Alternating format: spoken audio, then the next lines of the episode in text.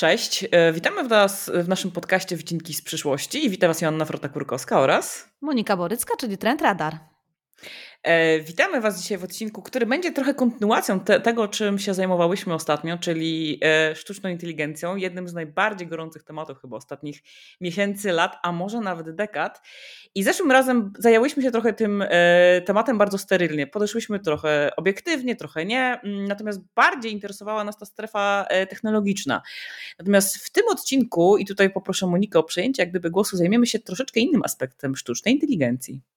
Tak, bo zresztą na koniec naszej rozmowy wyniknęło, że w sumie zmierzamy do tego tematu jakoś intuicyjnie, czyli y, co w tym wszystkim robi człowiek, tak? I jak ten człowiek ze sztuczną inteligencją będzie funkcjonował, będzie żył, ale co ważniejsze, jakie te wszystkie technologiczne aspekty y, będą miały wpływ i konsekwencje po prostu na nasze takie, powiedziałabym, y, codzienne życie, a z drugiej strony, jaki będzie miało wpływ na no, różne trendy społeczne, które gdzieś obserwujemy wokół e, tego jednak e, no, sporego technologicznego przełomu, co zresztą sobie w ostatniej rozmowie już e, powiedziałyśmy. No i dzisiaj też o tym chciałybyśmy troszkę porozmawiać, czyli jak żyć i gdzie w tym wszystkim ludzka, ludzka twarz. Ja jeszcze tak dodam, oczywiście trochę tak yy, nonszalancko, jak pracować, bo myślę, że też rynek pracy, w ogóle tematyka pracy jest nierozłącznie związana z człowiekiem i ciężko, przynajmniej moim zdaniem, yy, ten temat sztucznej inteligencji od tej pracy yy, oderwać, tak? Szczególnie w takim, w takim pojęciu ludzkim, prawda? Bo z jednej strony mamy te emocje też, o, o, emocjach też będziemy mówić, bo one zostały w ogóle zbadane i to jest też myślę, że ciekawa rzecz, którą, którą się możemy przy, której się możemy przyjrzeć. Natomiast cały rynek pracy jest to, myślę, chyba y, największa rzecz, największy taki, y, taki fragment tego tortu y, sztucznej inteligencji, który będzie przechodził i już przechodzi ogromne transformacje, prawda? E, tak, myślę, że to w ogóle jest e, też taki temat, który jest mocno obecny po prostu w samym dyskursie o takiej ludzkiej twarzy sztucznej inteligencji, e, bo tutaj uruchamiają się nam wszystkie oczywiście nasze dwie ulubione narracje. Z jednej strony ta narracja bardziej dystopijna, troszkę też o tym mówiłyśmy w ostatnim odcinku, z drugiej strony ta narracja bardziej no, utopijna, tak, czyli mamy troszkę dwie jakby położone historie obok siebie, czyli AI zabierze nam pracę, i będziemy już po prostu bezużyteczni, a z drugiej, z drugiej strony nadchodzi nowy renesans, e, w którym to AI uwolni nas od takich, powiedziałabym, zadań bardzo y, upierdliwych y, i których nie chcemy wykonywać, a da nam czas wolny na to, żebyśmy mogli swoją kreatywność rozwinąć. Y, I gdzieś oczywiście te dwie rzeczy bardzo mocno grzeją w takim ogólnym rozumieniu też tej transformacji, o której powiedziałaś. Natomiast no, widać już, już, że obie te narracje troszkę zmierzają do takiego wypośrodkowania i taką dominującą teraz historią, która zewsząd się przewija i wylewa. Zresztą kiedyś nawet y, możesz to też wspomnieć o tym, y, przeglądając programy różnych imprez, to właściwie co drugie słowo mamy oczywiście co-pilot y, i kooperacja ze sztuczną inteligencją w tym temacie. Czyli my trochę tonujemy te dwie narracje, wskazując na to, że uwaga, no będziemy musieli nauczyć się po prostu w codziennym naszej pracy współpracować y, ze sztuczną inteligencją, że to będzie trochę nasz y, pilot y, i nasz albo co-pilot. Co-pilot chyba jest tak, lepsze, prawda? Tak, Bo pilot tak. tak wskazuje, że on wskazuje drogę, a Dokładnie. ja jednak Dlatego się ten cofnęłam. człowiek fajnie, jak, tak, jak ten człowiek jakby był jednak w centrum, myślę, że to jest mega ważne dla tych wszystkich takich narracji. Nie AI przejmujący kontrolę nad światem, czyli jednak jeszcze człowiek, jeszcze jednak człowiek, który jest jak gdyby w centrum tej galaktyki. Y, ale też na pewno warto zwrócić uwagę na to, że to, te, te narracje też nie pojawiają się bez powodu, dlatego że dla wielu, dla wielu osób, i tutaj może właśnie podzielisz się tymi danymi, które dzisiaj jako mhm. wycinek przynosisz. Dla wielu osób y, sztuczna inteligencja i ten przełom, który y, obserwujemy, jest tematem po prostu trudnym, y, niezrozumiałym, takim, który gdzieś wymyka się naszemu pojmowaniu, a z drugiej strony mamy też jeszcze taki kolejny aspekt, o którym też dużo się mówi, czyli to, że do tej pory jednak w tych wszystkich naszych przewidywaniach i w tych wszystkich naszych historiach, powiedzmy przez ostatnie 10-15 lat, no przewijał temat się automatyzacji, ale automatyzacji tak takich zadań związanych chociażby z produkcją, tak? To oczywiście się dzieje, mhm. ale widzimy, że, że rewolucja generatywnej sztucznej inteligencji no coraz bardziej zjada nam sektor kreatywny i, i że to się tak jakby trochę wydarzyło no, z zaskoczenia. Nie spodziewaliśmy się, że tutaj też ta automatyzacja uderzy i że ona dotknie bardzo mocno e, rynek treści, tak, produkcji treści, e, na czym dzisiaj opiera się no właściwie cały, cały obszar e, pracy kreatywnej, e, począwszy od tworzenia treści czy, czy ekonomii twórców, skończywszy na, na kwestiach chociażby marketingu, tak, czy sprzedaży. Więc content is the king i ten content is the king to jest hasło, które, no, z, którym, z którym żyjemy już od, od dobrych dwudziestu paru lat i to, to się nie zmienia, więc to na pewno będzie bardzo mocno kształtować po prostu branżę kreatywną. Ja wiesz, to, to, tutaj jest tyle wątków do poruszenia. Na pewno e, w ogóle rynek pracy kreatywnej e, to jest coś, co, to, co na pewno musimy poruszyć.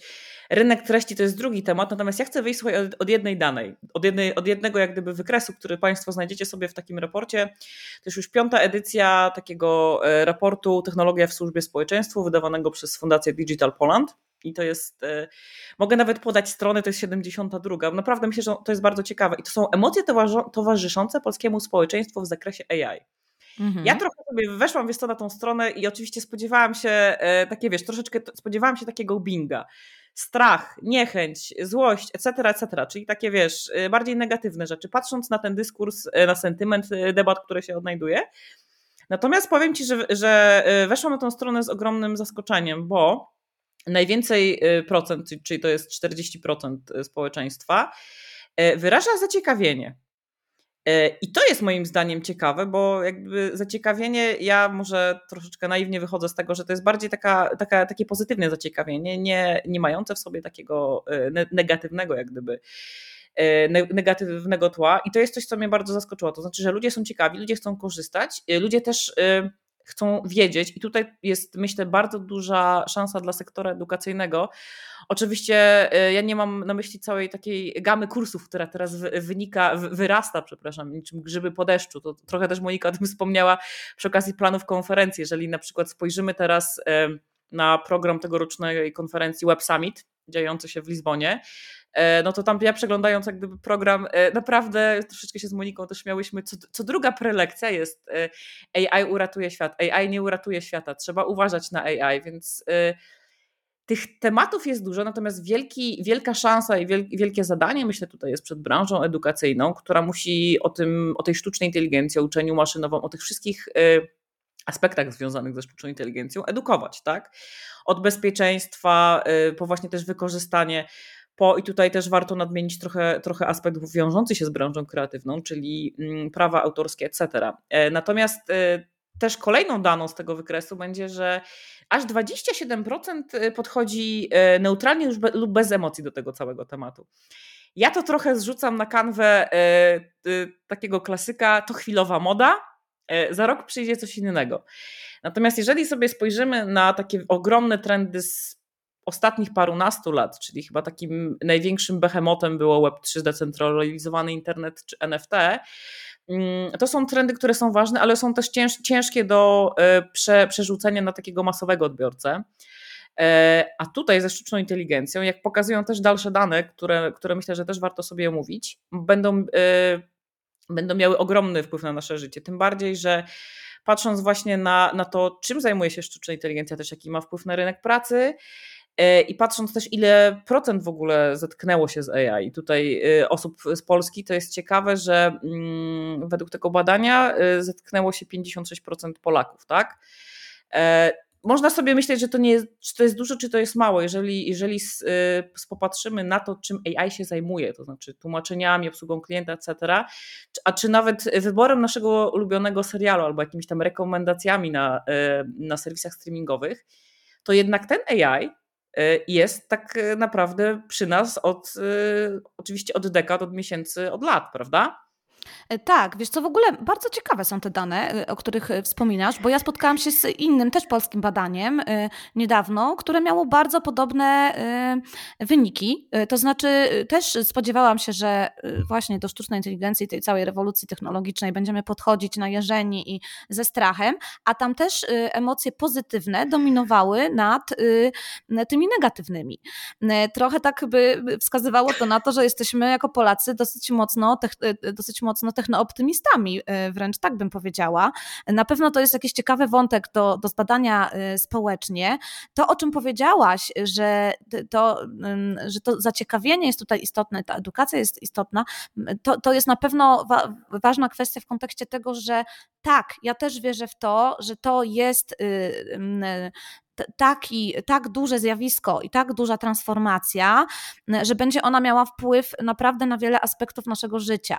Zresztą podrzucałam Ci niedawno y, tekst y, z bloga Digital Native, który bardzo serdecznie też Wam polecamy.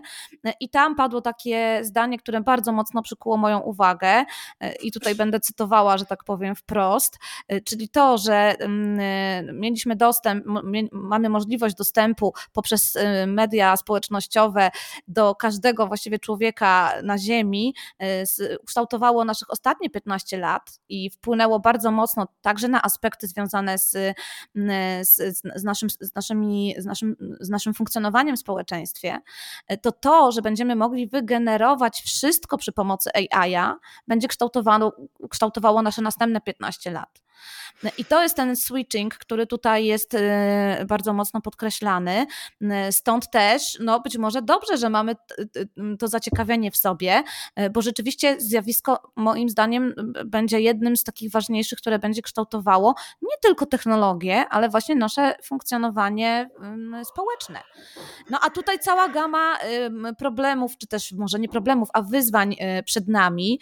Jednym z nich no, w kontekście tego, że jesteśmy jednak bardzo technooptymistyczni, to może ja tutaj wrzucę jednak taką mniej pozytywną kwestię, jest to, co będzie działo się z nami i z naszą samotnością, a właściwie epidemią samotności w kontekście rozwoju tej technologii, y, bo y, i tutaj też ciekawy, ciekawy wykres, co dzisiaj wykresowo, słuchaj, pojedziemy. Trafiłam niedawno na statystę i taki fajny, y, fajny obrazek, który pokazuje, jak wygląda w ogóle jak wygląda ta epidemia samotności w kontekście demograficznym. No i tutaj mamy takie dane, to są dane z rynku amerykańskiego wprawdzie, ale myślę, że one też mocno odpowiadają Europie Zachodniej czy światowi zachodniemu. Mamy dane, że 79% młodych ludzi z generacji Z czuje się dzisiaj samotnych.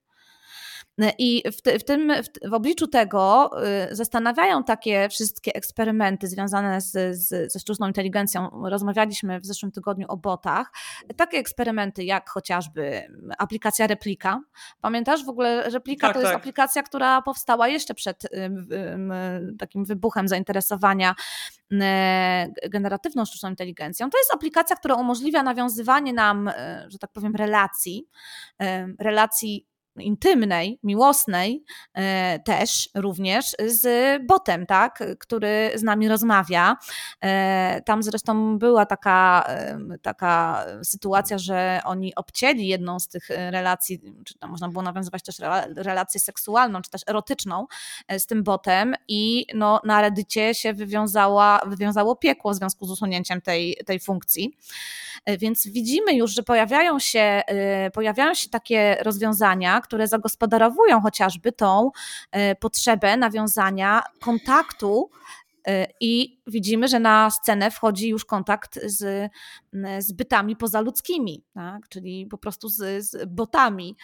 E, widziałam też, słuchaj, taką aplikację, to a propos jeszcze tego tematu, y, która, słuchaj, zamienia, a propos właśnie też kreowania wszystkiego, co będziemy chcieli, zamienia rysunki dzieci, to, to jest taki startup, mini studio się nazywa, i on zamienia rysunki dzieci, takich, y, wiesz, y, jak dzieci robią rysunki swoich tam potworków, albo mhm. takich, wiesz, wyobrażonych postaci i zamienia je na, no, na super narysowane w 3D animacje właśnie komputerowe no niesamowity bajer, ale to też mi nasuwa od razu takie pytanie związane z, z, z tym takim, wiesz, wyobrażonym przyjacielem z dzieciństwa, który do tej pory funkcjonował gdzieś w naszej głowie jako po prostu element rozwoju naszej kreatywności, a dziś on może po prostu ożyć w postaci jakiejś animacji, która jeśli, jeśli jeszcze dostanie, zostanie dopalona technologią konwersacyjną, tak, czyli właśnie jakimś, jakimś zapleczem botowym,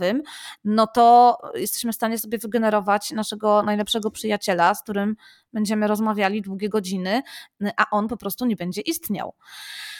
To jest też pytanie duże i mocne, związane z tym, co jeśli bo często też w ogóle w naukach o przyszłości zadaje się pytanie właśnie what if? Co jeśli my będziemy chcieli mhm. więcej czasu spędzać z bytami nieludzkimi e, niż z ludźmi? E, bo, bo tak jak same rozmawiałyśmy o tym, e,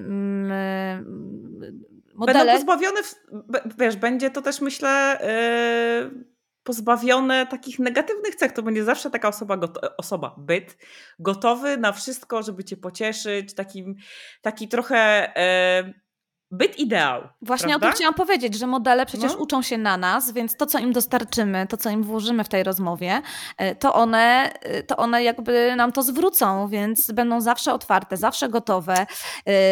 24 godziny na 7, dostępne dla nas i myślę, że to będzie na pewno jakieś, jak, jakaś pokusa, żeby z, z takiego kontaktu skorzystać, w, w, kiedy tego potrzebujemy, tak jak mówisz, pocieszenia i tak dalej to ja też opowiadam taką anegdotę na, na różnych warsztatach, że e, e, że zapytałam e, znajomej dwunastolatki, czy ma w Snapchacie zainstalowanego MyBota, tak, czyli MyAI, czyli bota od Snapchata mhm. i ona powiedziała, że ma. I, I zapytałam, co, o czym z nim rozmawiasz? Ona mówi, no różnie, czasami pytam go na przykład takie muzeum odwiedzić w mieście, w którym jestem z rodzicami, a czasami wstaję rano i wysyłam mu jej fotkę, tak, swoje selfie i pytam, czy fajnie wyglądam. Więc y, y, domyślasz się, że odpowiedzi są oczywiście stargetowane pod, y, pod tą osobę, choć mhm. tutaj też zakrada się ryzyko, że, że któregoś dnia ta, ten bot powie, no nie fajnie albo zareaguje w taki sposób, który spowoduje pewnego rodzaju problemy w, w, w, tej komunikacji.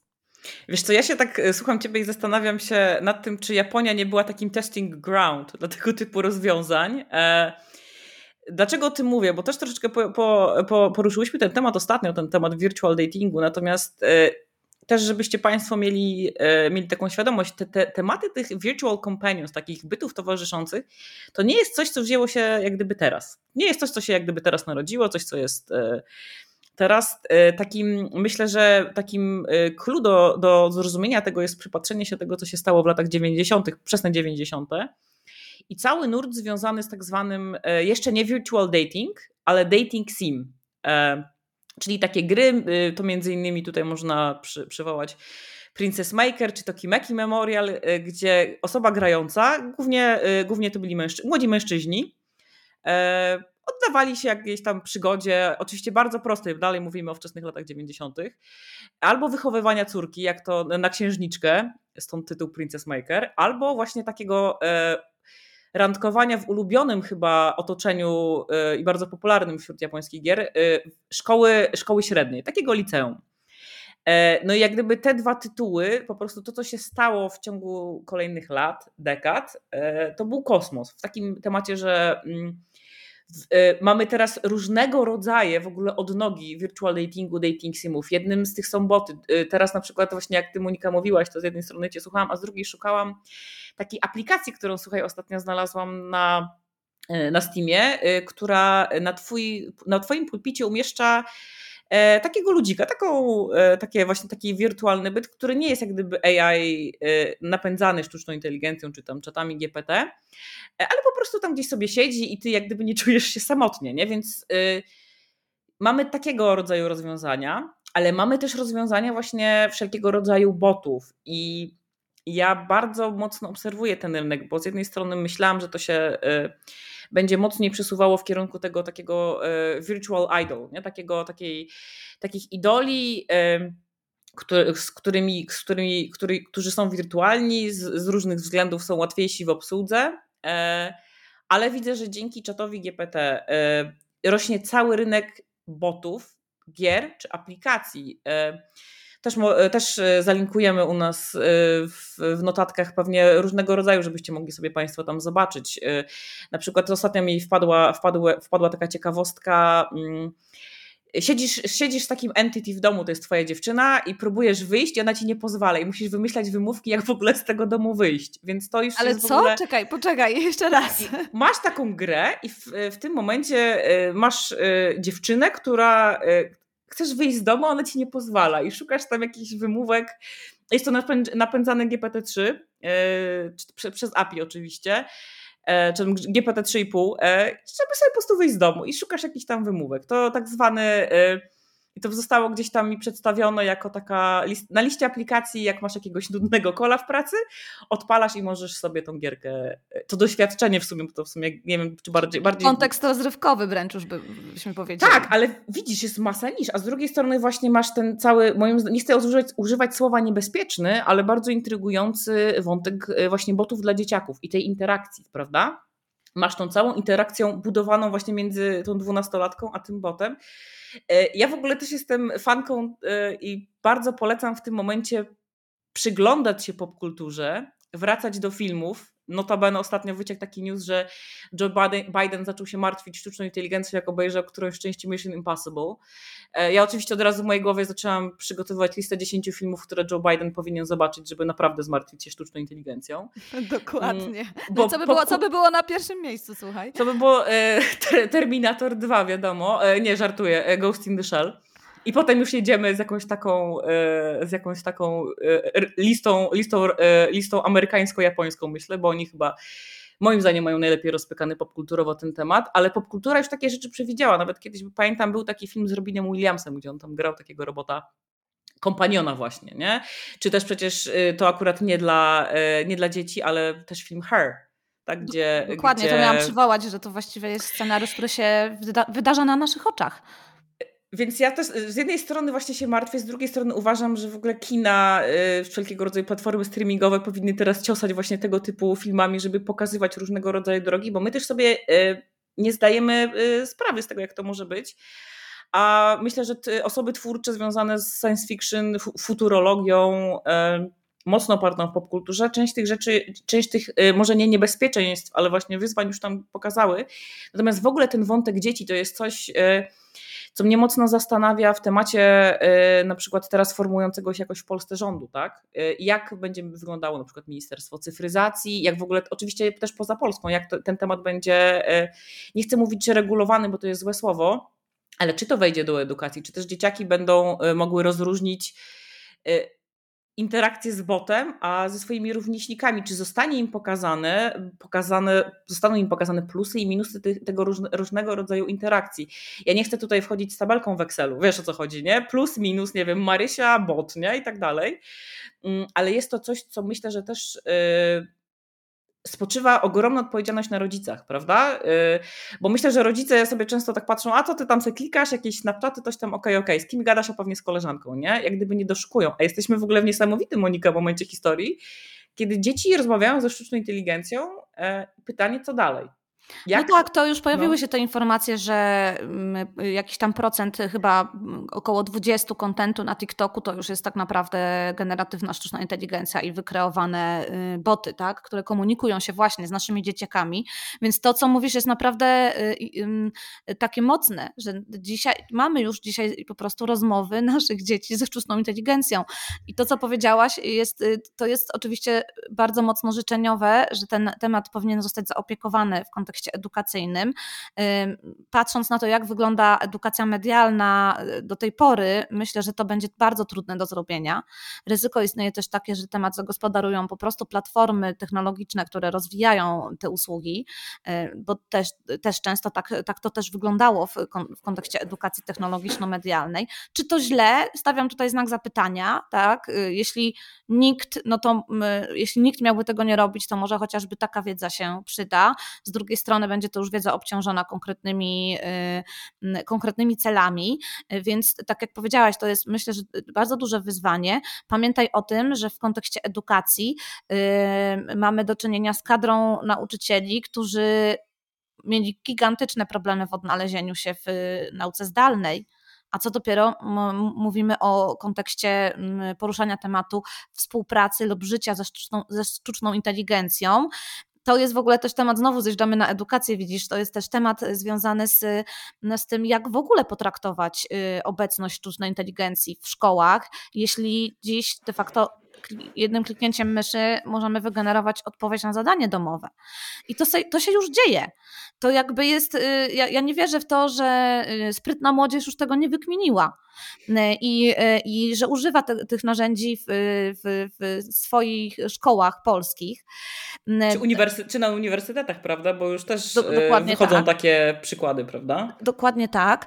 Y, to jest kwestia tego, czy to źle, że to robią. Na pewno byłoby fajnie, żeby ktoś pokierował nimi i pokazał, jak mogą wykorzystywać te narzędzia do, że tak powiem, pogłębiania swojej kreatywności y, i do rozwiązywania analityczne, analitycznego rozwiązywania problemów, tak? Nie tylko wygeneruj mi odpowiedź, ale też, nie wiem, pokaż mi, jak mogę to zrobić, zaplanuj ze mną tabelkę, w której możemy to przećwiczyć, ułóż mi ćwiczenia, które będę mógł zrobić sam. Mm, no, możliwości jest bardzo dużo. Y, y, pytanie, czy, tak jak powiedziałaś, z jednej strony rodzice, a z drugiej system edukacji będzie w stanie to wychwycić. Znów zataczamy koło w kontekście takim edukacyjnym i w kontekście tej ciekawości, o której wspominałaś, no to ja tutaj widzę jakąś nadzieję, że my ciekawi tych rozwiązań będziemy też chcieli w taki sposób je pokazywać y, no, młodzieży, czy też naszym, y, naszym dzieciom. Ale prawda jest taka, że tak jak nie przewidzieliśmy konsekwencji społecznych, konsekwencji personalnych y, w, w sytuacji rozwoju mediów społecznościowych, tak, nie będziemy dzisiaj jeszcze, myślę, w stanie przewidzieć długoterminowych konsekwencji rozwoju generatywnej sztucznej inteligencji bądź automatyzacji w naszym życiu. E, stąd też y, cieszę się tym, co powiedziałaś, że warto szukać y, być może e, tych wyzwań w przyszłości, w kontekście nawet y, tekstów popkultury. E, to, co wspominałaś o tej Japonii, tak, to był, wiesz, to jest niesamowite, bo często też dostaję pytania, no bo ten virtual day dating, czy tam virtual influencer to jest y, specyfika rynku azjatyckiego. Ja nie widzę, żeby to się przebijało y, u nas, tak? Ja, ja uważam, że zacznie się przebijać już tak jak już dzisiaj powiedzieliśmy, mamy te dzieciaki, które rozmawiają z, z, botami. Może one nie są tak spektakularne jak kreowanie, wiesz, swojej y, córki, tak, jako, jako bytu wirtualnego, ale to, to się dzieje. I teraz pytanie, no, jak. Mm, jak z tym grać dalej. Y, I y, y, te długoterminowe konsekwencje są nieodgadnione. Dopiero dzisiaj, zobacz, po 15 latach rozwoju mediów społecznościowych pojawiają się badania, jaką one odegra, od, od, odgrywają rolę na przykład w kontekście samoakceptacji, tak? w kontekście kryzysu y, zdrowia psychicznego u młodzieży. Y, dopiero jesteśmy w stanie po 15 latach... Są pozwy. Przecież tak. jesteśmy w tygodniu, gdzie i myślę, że też powinniśmy zalinkować, jest bardzo dobry odcinek Tech Story a propos właśnie tego y, procesu, który się teraz dzieje, który jest skierowany do mety e, temacie właśnie wpływu na y, samopoczucie młodzieży, na psychikę młodzieży, etc., etc. I to jest to ciekawe, to, jest, y, to będzie, będzie proces precedensowy, który myślę, że wyznaczy bardzo dużo ścieżek i może będzie też jakąś podwaliną trochę takiego y, wersji 2.0 tego, prawda? Czyli tego, jak sztuczna inteligencja ma wpływ na dzieciaki, prawda? E, dokładnie, więc myślę, że to są już takie wyzwania, które warto zacząć rozkminiać, bo, bo one, nie, one nie znikną tak, z tej przestrzeni e, i wręcz będą, będą się pogłębiać. Tak, ten proces może być precedensowy, choć pamiętamy, że tych procesów już kilka zostało wytoczonych chociażby TikTokowi mhm. i, i jakby nie widać, żeby to jakoś mocno zmieniło, zmieniło sposób działania e, tego serwisu, chociaż oczywiście pojawiają się wszelkie rodzaju zabezpieczenia i tak dalej, ale mm, no ja liczę na to, że rzeczywiście w kontekście skali ta meta może okazać się y, jakimś istotnym wkładem w to, jak dalej tematem zdrowia psychicznego w kontekście technologii dzieci, ale nie tylko dzieci się zajmować. No tak, ja w ogóle myślę, że to, to bardzo dużo ciekawych wątków łącznie z, yy, zaciekawiło mnie też to pisanie prac. Yy, I tutaj yy, widzę, że kończy nam się trochę czas i chyba trzeba będzie jeszcze zrobić taką dogrywkę AI versus rynek pracy. Natomiast e, ten, to jest bardzo ciekawe, że już w tym momencie i nawet miesiące przed nami, wcześniej, tak? miesiące za nami, mm, wykaz- okazało się, że korzystanie z czata GPT ma ogromny wpływ na mm, tak zwany rynek, nie chcę mówić, że na nielegalny, pisania nielegalnych prac, ale na taki rynek pomocowy, na przykład w państwach kontynentu afrykańskiego, które świadczyły usługi mm, na przykład pisania prac uniwersyteckich dla młodzieży ze Stanów.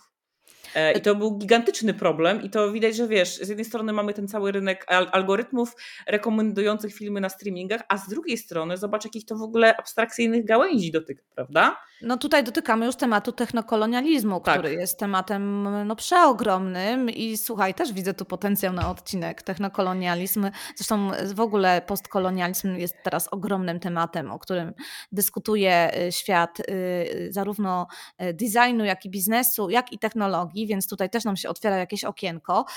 Ja może zachęcę nas obie do tego, żebyśmy taką listę tematów, które gdzieś Was zainteresują, stworzyć. Już mamy tutaj, tak jak widać, dwa rynek pracy, może nawet nie tylko w kontekście AI, ale w ogóle rozwoju technologii. Z drugiej strony technokolonializm. Jeśli macie jeszcze jakieś pomysły, jaki temat mogłybyśmy poruszyć w naszych stolikowych rozmowach o wycinkach, które z przyszłości Wam tutaj pokazujemy, no to po prostu piszcie i odzywajcie się do nas. Piszcie do nas na Instagramie. Monika jest bardzo aktywna na Instagramie jako trendradar.pl. U mnie to jest raczej standardowo mail i LinkedIn, czasem Twitter, choć teraz na y, kiedyś Twittera, teraz Exa jestem y, troszeczkę obrażona. Natomiast zachęcamy do pisania, zachęcamy do odzywania się i zachęcamy do śledzenia i polecania, polecania nas dalej. W tym momencie się z Wami żegnamy, natomiast widzimy się już niebawem z kolejnymi e, odcinkami i tym razem troszeczkę odejdziemy od AI, choć myślę, że ciężko będzie nawet nie dotknąć tego tematu, patrząc na właśnie potencjalne e, propozycje mm, dyskusji tematów, które mamy zaplanowane. Trzymajcie się i do widzenia. Do widzenia, trzymajcie się.